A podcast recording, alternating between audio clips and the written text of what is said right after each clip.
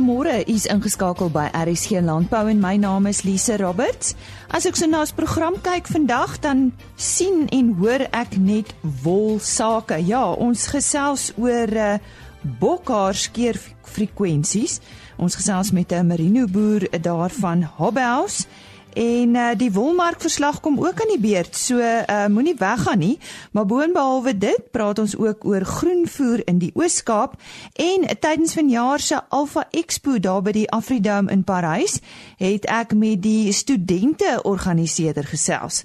Daar was heelwat studente wat betrokke was en ons vind uit waarom en uh, hoe studente volgende jaar kan maak om deel te wees van die Alpha Expo. Vandag se program word aangebied met die komplimente van Senepal Breeding for the Future.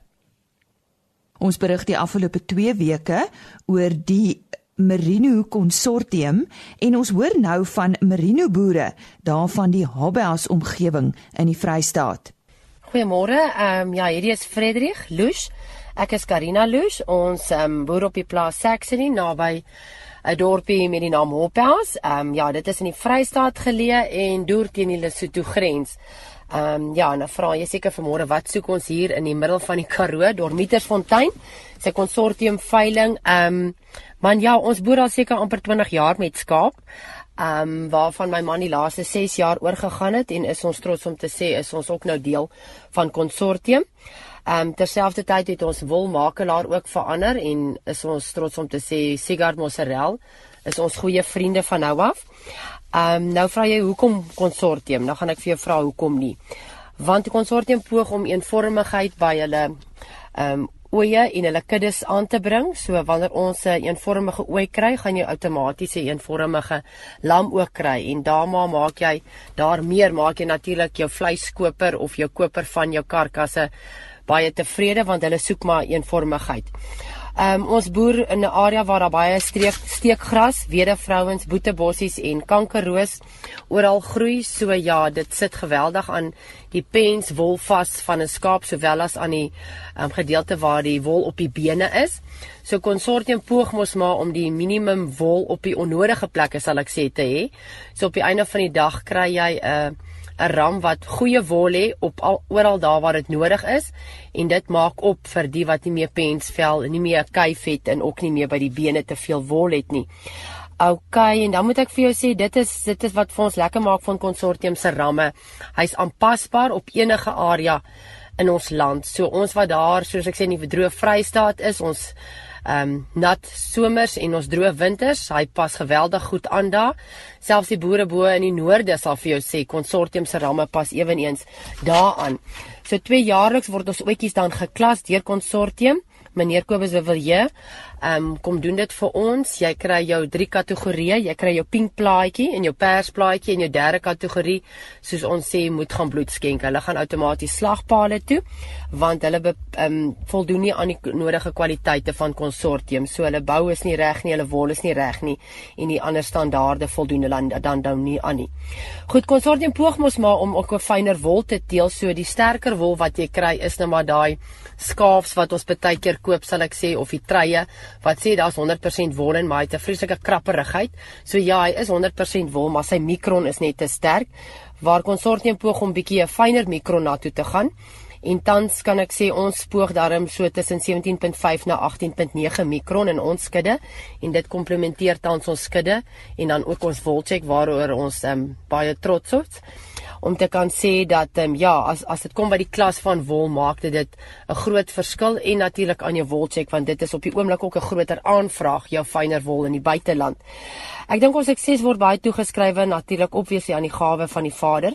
Jou deursettingsvermoë, want jy as boer is konstant besig om teen die natuur te boer of saam met hom.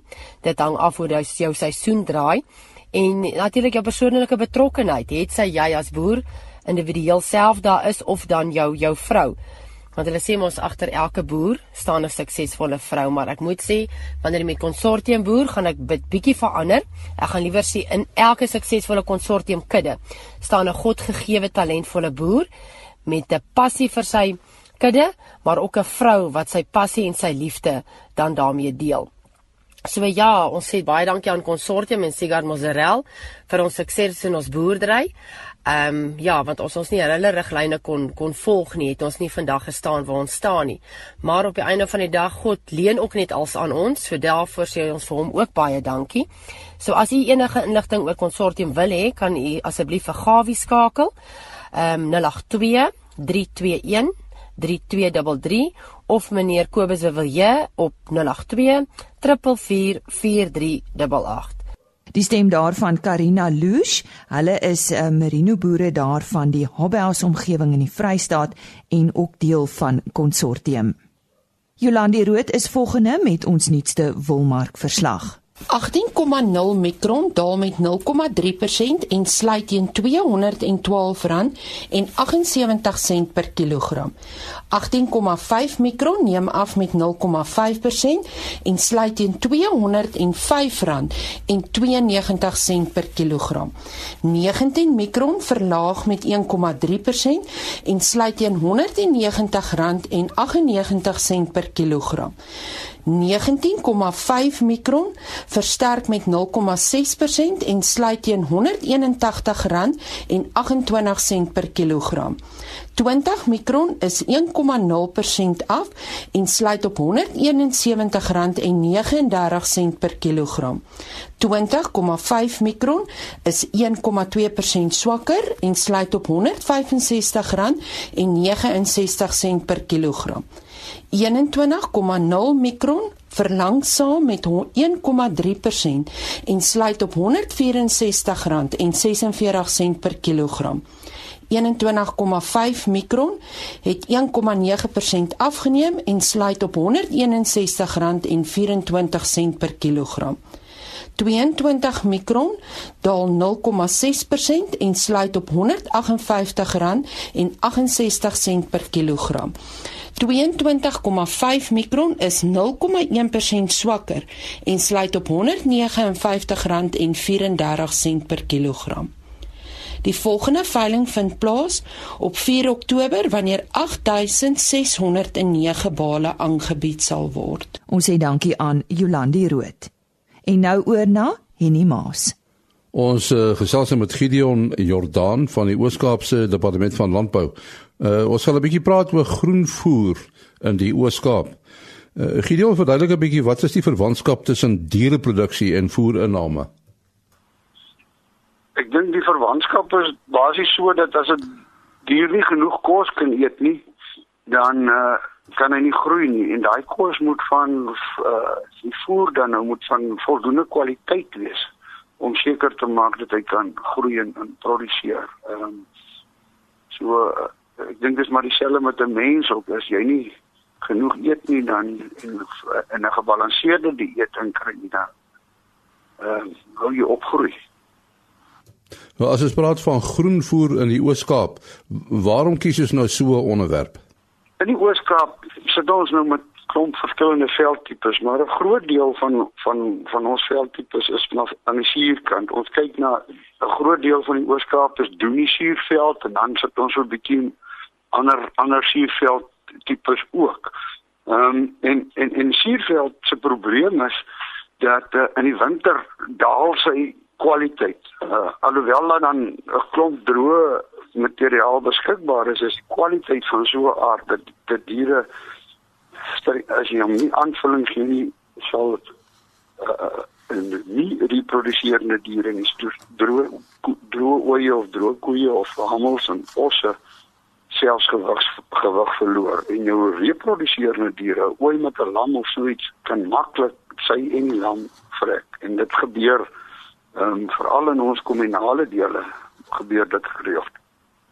En en hierdie voedsel laagtepunte, die voedingslaagtepunte, hoe word dit bepaal? Die bepaling daarvan is eintlik maar 'n ding van as as jou as jou diere uh, begin gewig verloor en agteruit gaan, dan weet jy jy's jy's jy's besig om 'n laagtepunt in te beweeg. Ons daar's nou wetenskaplik baie maniere waarop ou dit kan bepaal. Jy kan nou maar monsters sny en die goed laat uh, ontleed en te kere gaan, maar uh, die praktiese manier is maar net om te kyk jou diere begin gewig verloor. Ehm um, dan beweeg hulle in 'n in 'n situasie in waar jy moet kyk na aanvulling. En en die bestuurspraktyke wat 'n produsent aan die dag kan lê om om hierdie voedsellaagtepunte te oorbrug? Daar's nou 'n redelike groot verskeidenheid in goed wat jy kan doen en dit alles hang af van wat op jou plaas of in jou omgewing uh beskikbaar is en en gebeur en en, en tot 'n mate opseker wie jy as as bestuurder is.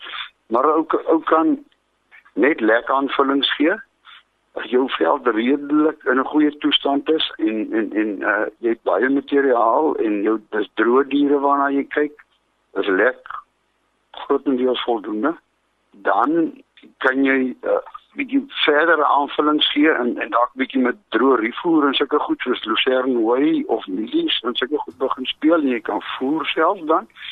En dan as 'n ander opsie is om in die, in die verlede was om om groenvoer te plant skoon uh, en dan dan jy nou maar of raaigras of haver of hangende of jy besproeiing het al dan nie.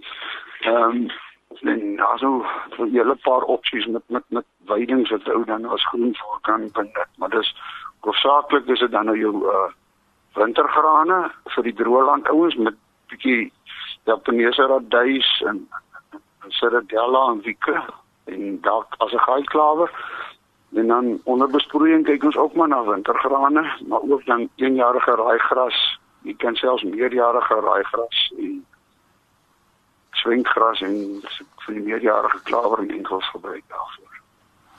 En en, en uh, die organisasie waarvoor jy werk, dis speel nogal 'n kritiese rol. Ja, goed, dit is my werk is dan nou maar ek is 'n weidingkundige, so ek my werk is om te kyk of ons hierdie goedjies bietjie anders kan aanpak of kan verbeter en op 'n meer ekonomiese manier kan bedryf en uh om die voedingslaagpunte aan te vul. Dis maar want ek maak my lewe. Ons sê baie dankie aan eh, Gideon Jordan, hy is van die Oos-Kaapse Departement van Landbou. Die stem daarvan Henny Maas. Nes volboere moet sybokhaar produsente ook aan sekere bestuursmaatstawwe voldoen om winsgewendheid te verseker. Nou produsente wat 'n nougesette teelbeleid toepas met die fokus op konstitusie, haarlengte en hoeveelheid van haar vaar gewoonlik goed wanneer die klimaatstoestande teen hulle draai. En ons praat hierson nou juis van van bokhaar en ons praat hier met Joanne Nudee vanoggend. Sy's junior afslaer van wol en bokhaar by BKB. Uh ja Joanne, goeiemôre. Waarom is 6 maande bokhaar groei verkieslik? Die verwerkingsbehoeftes van sy bokhaarverwerkers word hoofsaaklik gevul deur bokhaar wat op 6 maande groei geskeer word. 'n Bokhaarproduksie moet egter ook sinvol en prakties uitvoerbaar wees, is ek reg? Ja, dit is korrek. 'n Produsent moet alleeers in ag neem wat die markbehoeftes is en belangrike prys uh, prysbepalers van sy bokhaar om teen einde te besluit wanneer om te skeer. So watter faktore speel hoofsaaklik uh, 'n uh, rol as dit kom by die bepaling van bokhaarpryse?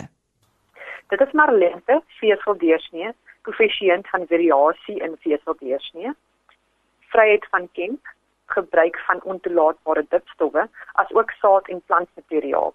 Hierdie is maar die grootste bepalers van pryse. Uh, Jan, hoe verskil 'n bokhaarskeer intervalle van die van wolskeer intervalle? Anders as skaap skaapbedryf waar skape tradisioneel elke 12, 10, 8 of 6 maandeliks geskeer word, afhangend van die bestuursprogram, word Angora bokke hoofsaaklik 6 of 4 maande geskeer. Die meeste seibokhaar produsente skeer elke 6 maande, is ek reg? Dit is korrek.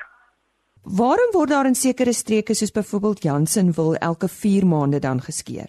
Die plante groei in Jansenwil is van so 'n aard dat bokke se hare begin uitkamp en diere begin vassit aan die noorse en veevlektes kom dan voor. Hoewel kort hare van tyd tot tyd vir goeie pryse verkoop, is die norm steeds normale skeerfrekwensies. Daar is bepaalde aanwendings vir verskillende lengtes haar en die normale volume aanbieding van korter haar is dus voldoende. Hoekom sê jy die meeste seibokhaar produsente skeer elke 6 maande? Hierdie word toegeskryf aan die feit dat dit makliker by die Angora bestuursprogram inpas en ook oor die feit dat bokhaar eienskappe baie meer verskil verskil oor die leeftyd van 'n bok as in die geval van skape. Byvoorbeeld, skaap wat geneties fyn gedeel is, sal ongeveer 2 tot 3 mikron spring van 'n lam tot en met hy oud word. Maar by bokke, selfs die wat geneties fyn gedeel is, is die sprong baie wyer met ongeveer 10 mikron oor sy leeftyd. Dis word bokhaar bemark in meer verskillende ouderdomtipes as by skaap en toon ook meer variasie in prysvlakke. Kom, ja, nommer 7. Goed. Eh, Jan, wat is dan die verskil tussen somer en winterskeersels? Een van die redes hoekom 6 maande skeerstelsel so goed werk, is dat winter en somer al baie in fisiese eienskappe en voorkoms verskil en dan ook apart bemark word. Die skeerseisoen van Angoras begin in Januarie en strek tot einde Maart. Hierdie staan bekend as die somerskeersel. Dit is baie fyn vir kids van 22 tot 24 mikron en behaal dus gewoonlik baie hoër pryse. Die tweede skeersel wat vanaf Julie tot September geskeer word, is die winterskeersel. Hy is meer eenvormig, toon 'n vaster stapel en ook gewoonlik beter styl en karakter. Maar as gevolg van hoër mikron, 25 tot 27 mikron, verhandel hy gewoonlik effens laer. Die derde skeersel word as somerjongbok bemark en die vierde dan weer as 'n winterjongbok. Beide skeersels strek van 30 tot 34 mikron. Teen die vyfde skeersel word haar as groot bokhaar beskou en dit is so 32 na 38 mikron en ons praat nie meer van somer en winterskeersels nie maar wel van fyn bok, groot bokhaar en sterk bokhaar. Maar waarom baade die produsent nou nie om somerhaar tydens die winterseisoen te verkoop nie? Die hoeveelheid somerhaar wat beskikbaar is in hierdie tydperk is te min om 'n skeepshouer of kopers bestelling vol te maak. Dis is ek vir produk was nie bereid om die volle prys van die duurde somerhaar te betaal nie. Kopers moet 'n sekere hoeveelhede van 'n tipe haar hê om in die was en verdere verwerkingsprosesse te sit. So basies gaan somerhaar wat hierder is, nou met winterhaar gemeng word. Hoe sluit die lamseisoene en skeertye bymekaar aan? Skeerproses moet deel van die produsent se bestuursproses wees. En die tydperk wanneer die oeye lam bepaal wanneer die produsent kan skeer. Angora boeke het slegs een lamseisoen per jaar. Dit strek vanaf Augustus tot Oktober. En die produksiegebied van bokbaar kry hoofsaaklik somerreën. Dit is raadsaam om oeye met haar, haar groei van 6 weke tot 3 maande te lam. Die oeye moet liefs 'n bietjie haar op hê om die bokkies warm te hou in die koue nagte. Indien oeye met langer hare lam, is dit noodsaaklik dat die bokke gemikskeer word op 3 maande om te verseker dat bokkies nie sukkel om die oeye se spene te kry nie. Dit mag gebeur dat oeye wat bokkies vanaf Augustus op natuurlike weidings groot maak, se haar groei negatief effek word. Baie van haar energie word aangewend vir die melkproduksie en die lengte sowel as vagmasse kan geëffekteer word indien uh, die weidingstoestande nie na wense is nie. Jonger diere wat nie in laktasie is nie, word minder geaffekteer. Die bokkies word meestal in Januarie gespeen en meer haargroei vind op die oeye dan plaas. Indien die groei gepaard gaan met beter weidingstoestande, sal die lengte en vagmasse beter wees met die winterskeersel. Weet beter weidingstoestande gedurende die winterskeersel dra gewoonlik by dat die winterskeersel ook bietjie sterker toets as die somerskeersel. Wanneer word klein bokkies vir die eerste keer geskeer? Gewoonlik vanaf Januarie tot Maart. Hierdie staan bekend as die somerbokjaar. Hierdie diere word vir die tweede keer tussen 5 en 6 maande later weer geskeer. Dit is die winterbokjaar. Soos die diere dan ouer word, groei die hare sterker en strek die veseldikte van 24 tot 30 mikron en hierdie is maar die norm, maar dit kan deur voeding fyner of sterker toets. Nou ek hoor verlengde skeer intervalle kan tot verliese lei. Waarom?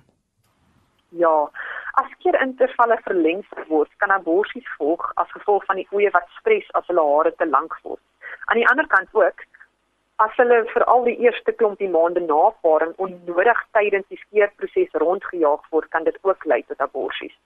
Om voorparing te skeer maak die werk ook makliker vir die ramme die winterskeersel kan ook 'n bietjie meer van 'n risiko wees van oeye word dan in laatdragtigheid geskeer. Sommige produsente verkies om te wag tot die oeye klaar gelam het en verloor dalk net 'n bietjie lengte op die volgende skeersel. Watter faktore kan in die toekoms 'n groot impak op bokhaarpryse hê dink julle? Daar is nog verskeie faktore, maar die gebruik van verbode dipstowwe vir skeervoorbereiding en uitwendige parasiete is een van die groteres. Produsente moet daarvan kennis neem en inligting is verkrygbaar oor middels wat gebruik kan word en nie skadelik is vir die omgewing nie. Jan, waarom glo jy daar's belangriker dinge as om die beste prys op 'n bokhaar veiling te behaal? Soos ons almal weet, is bokhaar Angora boer se brood en botter en die geheim vir sukses lê in 'n goeie bestuursprogram. Om 'n redelike gemiddelde prys te kry op meer kilogram haar beteken baie meer as om 'n rekordlot te verkoop. Ek sê altyd hou eerder die lam en speen persentasie hoog en verloor dalk maar 'n bietjie haar lengte tydens droogte tye in plaas daarvan om drastiese skeerintervalle aan te wend wat tot jou bokke kan negatief beïnvloed. En om hier af te sluit, dalk net advies vir ons produsente op hierdie stadium? Suid-Afrikaanse produsente word word as die wêreld se beste bokhaarprodusente beskou. Gaan voort daarmee om julle kundigheid aan te wend en om die markleiers te bly. 'n Junior afslaer van wol en bokhaar by BKB Joanne Nudee wat daaroor bokhaar skeerfrekwensie gesels het.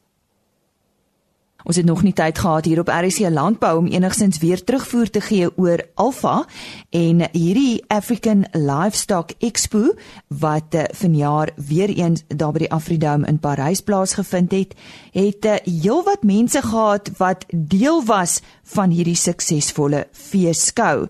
Nou Donsie Wessels, sy is 'n brown vee boer, was verantwoordelik vir die studente samewerking by hierdie Expo. Sy vertel so 'n bietjie van haarself en hoe sy te werk gegaan het om uh, die regte studente te kies vir hierdie groot taak.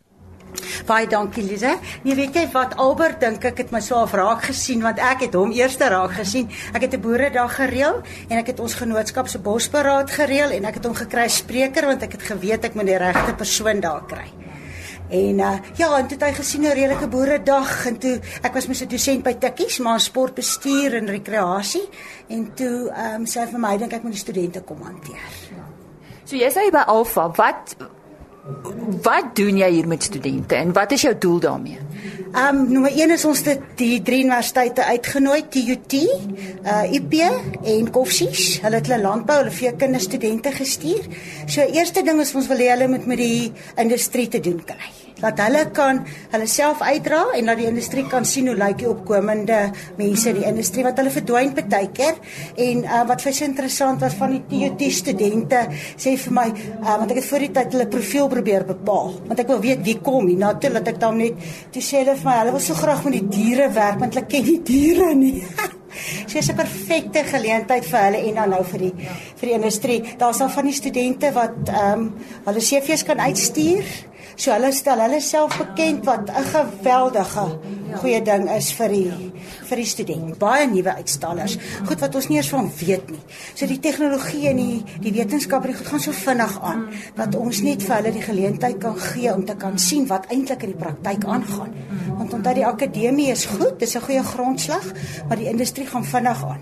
En veral die veekunde en dat hulle bietjie met die verskillende rasse te doen kry en hierdie ek ek is mal oor die konsep van alfa dit maak net vir my sin want dis die boer, dis die vee, dis die uitstaller en dis die ketting, dis die student wat kom werk nommer 1 uit daai verantwoordelikheid. Ons het amper 'n student of twee teruggestuur huis toe aan die eerste dag want dan neus het toe getrek omdat sy in 'n stal moet slaap toe besluit ons nee wag, dit gaan nie werk nie. Jy gaan terug Pretoria toe, maar onthou net een ding, jy gaan nooit weer kan op 'n uitstappie gaan nie. Toe is haar neus ewe skielik reg.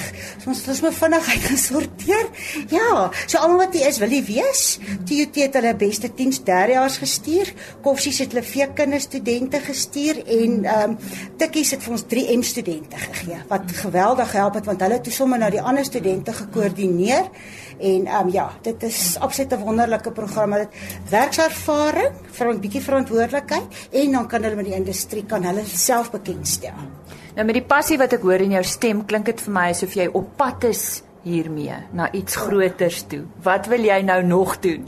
Omdat ek uit die sport uitkom, uh, is daar mos 'n USASA vir SASO studente, ja. universiteite tussen mekaar en dit is wat Albert gesê het wat ons hier ook moet doen. So hy dink aan 'n akademiese beker wat op die einde tussen die studente uitgestel gaan word.